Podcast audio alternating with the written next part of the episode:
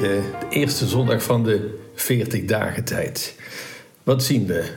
Het evangelie. Elk jaar, of het nou het evangelie van Marcus is, of Lucas, of Matthäus. Jezus die wordt in de woestijn op de proef gesteld. Jezus in de woestijn.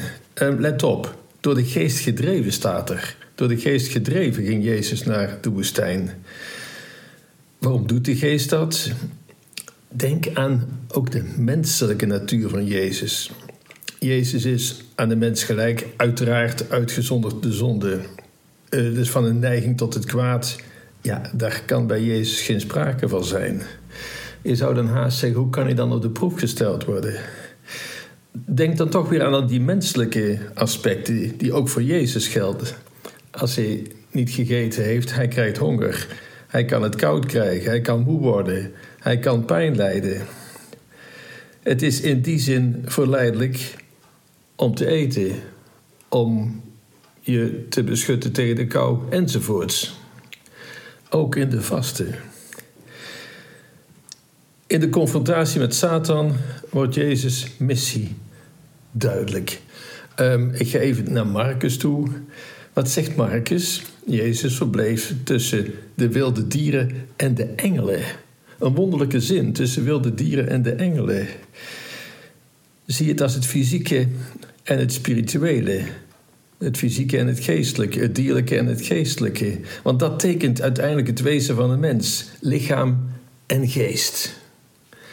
Engelen zijn louter geest, zuiver geest, immaterieel. En dieren zijn louter materieel. Maar mensen, hoe moet ik het zeggen, een soort hybride lichaam en ziel, fysiek en geest. In de mens komt dit bij elkaar, een verzoening als het ware tussen lichaam en geest. En als het goed is, is er harmonie. Vergelijk voor mij wat muziek, daar gaat het samen. Ook het fysieke, de instrumenten die je bespeelt, de geluiden. Tegelijk gaat het samen met de schoonheid, als het goed is. Of denk aan, aan, een sportwedstrijd. Je hebt wel eens dat alles samenvalt. Momentum noemen we dat graag dan, dat merk je ook aan de sfeer. Of denk aan moeder Teresa, die ging naar de meest beroerde gebieden van de wereld. En toch, vol vreugde, deden ze hun werk. Een werk, het fysieke en het geest, de motivatie omwille van Christus. En daar waar dat samenvalt, daar zie je de mens zoals hij geschapen is, zoals de mens bedoeld is. Daar waar het dierlijke en het geestelijke in harmonie is. Wat, wat is dan zonde? In zonde zit het woordje, beter gezegd, in het woord afzondering zit het woord zonde, verdeeldheid, diabolijn. Oftewel verdeeldheid. De diabolos is degene die verdeelt, die lichaam en geest uit elkaar trekt. Daar waar het geestelijke en het materiële met elkaar strijden. En dat is waar de duivel op aanstuurt. Denk aan woorden van Paulus. Het goede wat ik zou willen doen, dat doe ik niet. En het slechte wat ik niet zou willen doen, dat doe ik wel. Wat is dat toch? Wat is dat toch, die verdeeldheid? En hij weet, het is de duivel. Hij weet ook, Christus is sterker. Overigens, ons geloof kent geen dualisme, hè? zoals je dat kent van het, het, fysieke, dat is slecht en het geestelijke is goed. Nee, dat is het niet. Het is die, die eenheid, die harmonie, die de mens tot mens maakt. En die is goed geschapen. Denk aan het, uh, het scheppingsverhaal. En God zag dat het goed was. En bij de schepping van de mens. En God zag dat het zeer goed was. Waar is nu die vaste tijd voor bedoeld? De tijd om die harmonie te bewerkstelligen. Soms nadruk op de materiële beperkingen om geestelijk te sterken en zo weer die harmonie te bewerkstelligen. Waar ontstaat het, het probleem bij mensen als we louter het materiële nastreven of, want dat is ook niet goed, louter het geestelijke? Hij louter het materiële nastreven, het materialisme. Dat is iets van onze tijd. Genieten hebben we het over. Genot nastreven, hedonisme, fun. Alles moet leuk zijn. Volgens mij is dat de weg die rechtstreeks naar het moeras leidt of naar de afgrond. Voor, voor dieren is dat overigens geen probleem. Hè? Als een hond uh, kan eten en, en slapen en heeft een goed baasje, is hij helemaal tevreden. Meer heeft hij niet nodig. Maar voor mensen is het anders. Wij zijn ook geestelijke wezens. We weten gewoon, er ontbreekt iets. Ook in onze tijd van materialisme de depressiviteit die is erger dan ooit. En kijk naar de agressie, kijk naar wat dan ook. Als je louter de nadruk legt op het materiële, daar zit geen zingeving in. Daar kom je uiteindelijk alleen maar uit bij de zinloosheid. u kent het liedje van Doe maar misschien nog wel, is dit alles? hij heeft van alles wat hij maar te wensen heeft. En de conclusie is toch, is dit alles? Als we alleen maar dierlijke verlangens willen bevredigen, nou, dat is als het drinken van zout water. Het is nooit genoeg, het bevredigt nooit. Het andere uiterste is dat we het materiële volkomen negeren en alleen aandacht besteden aan het geestelijke. Nogmaals, wij, wij kennen geen dualisme. En we zijn ook geen puriteinen, hè, minachting voor het fysieke. Nee, je mag rustig genieten van eten, van drinken, van van alles en nog wat. Maar bekijk het in het licht van de schepping, hoe de mens is bedoeld op God gelijkend. En vergeet dan niet, wij zijn lichaam en ziel. En daar waar het uiteen is gegaan, daar is het misgegaan. En wat is de boodschap van Jezus? Wat is zijn missie? Dat is die verzoening, die herstel van de schepping, de recreatio, zoals we dat noemen. En dat is wat tot uiting komt in die woorden dat Jezus in de woestijn is tussen beesten en engelen.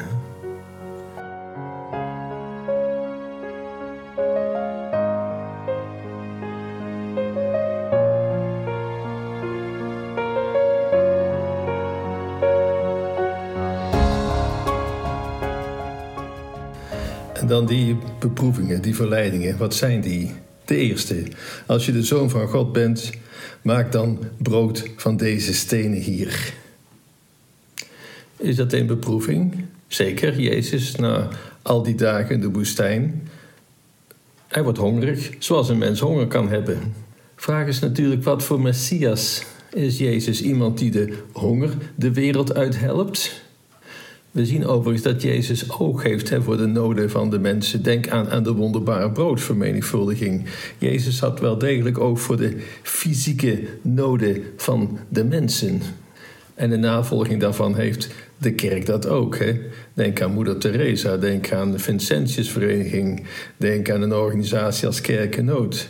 Armoede, honger de wereld uithelpen is inderdaad een christelijke opdracht.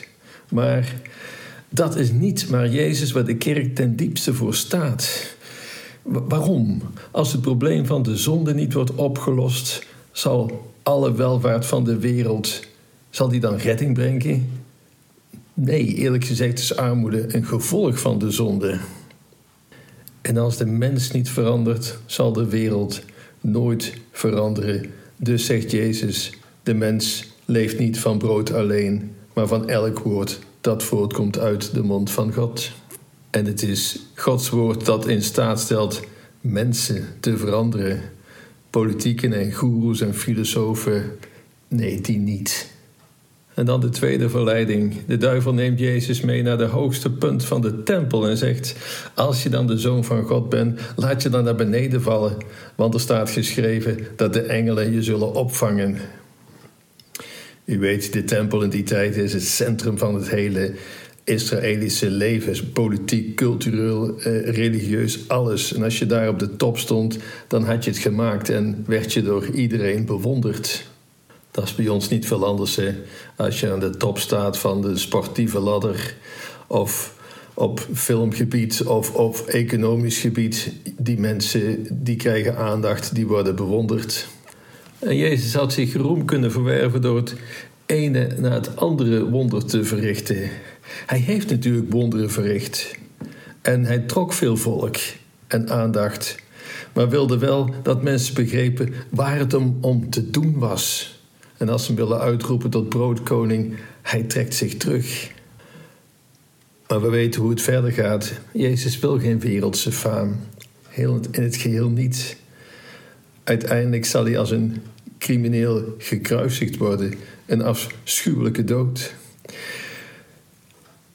Waarom dit? Om het kwaad te overwinnen. Het denk aan de honderd man, die beseften het. Deze is de Zoon God. Hij is het lam Gods dat wegneemt de zonde der wereld. Niet op de top van de tempel, daar op het hoogtepunt van maatschappelijke, maatschappelijk aanzien, maar daar hoog aan het kruis verheven. Ook hier weer de vraag, wereldse faam, wat betekent dat als de zonde blijft? Het is de leidende dienaar die mensen de ogen opent, die de schellen van de ogen doet vallen en de mensen tot verandering brengt, tot een andere levenswijze, tot bekering. Ten slotte die derde verleiding. De duivel brengt Jezus naar een hoge berg. Prachtig vergezicht. Als je voor mij neervalt in aanbidding, zegt de duivel, dan zal dit alles van jou zijn. Dat is een verleiding om een politieke messias te zijn.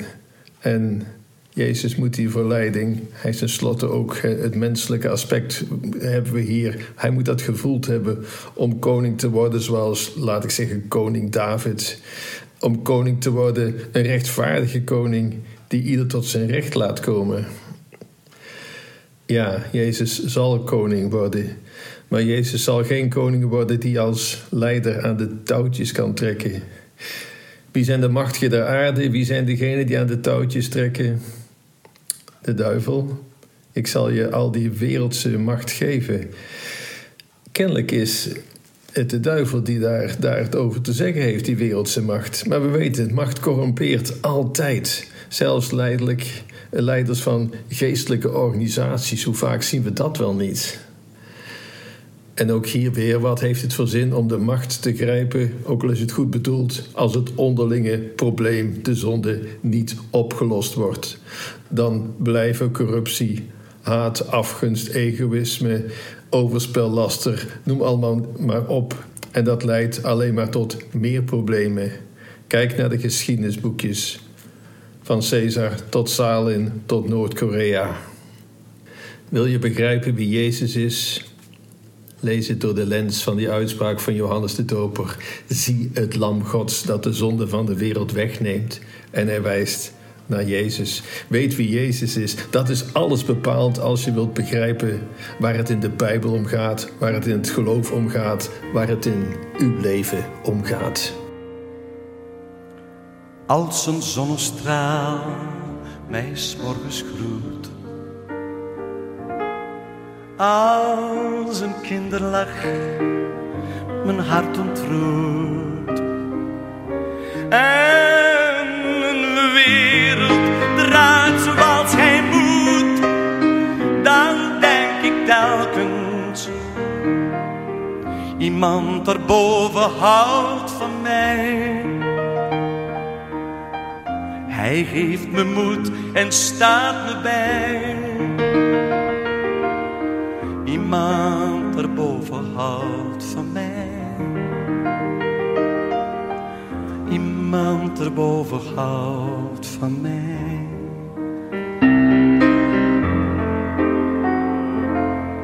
Als het geluk soms uit mijn handen glijdt. En ik vrees dat niemand me begrijpt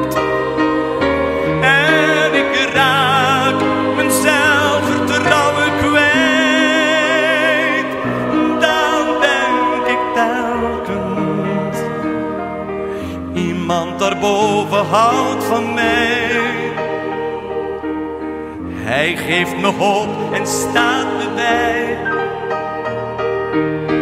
Iemand erboven houdt van mij.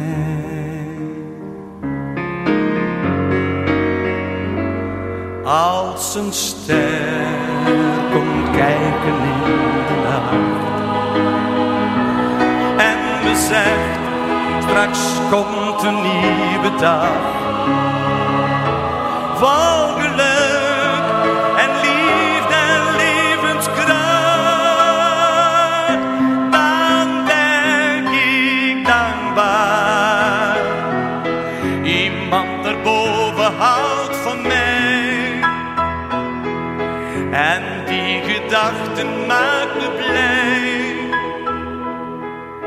Iemand erboven houdt van mij. Iemand erboven houdt van mij.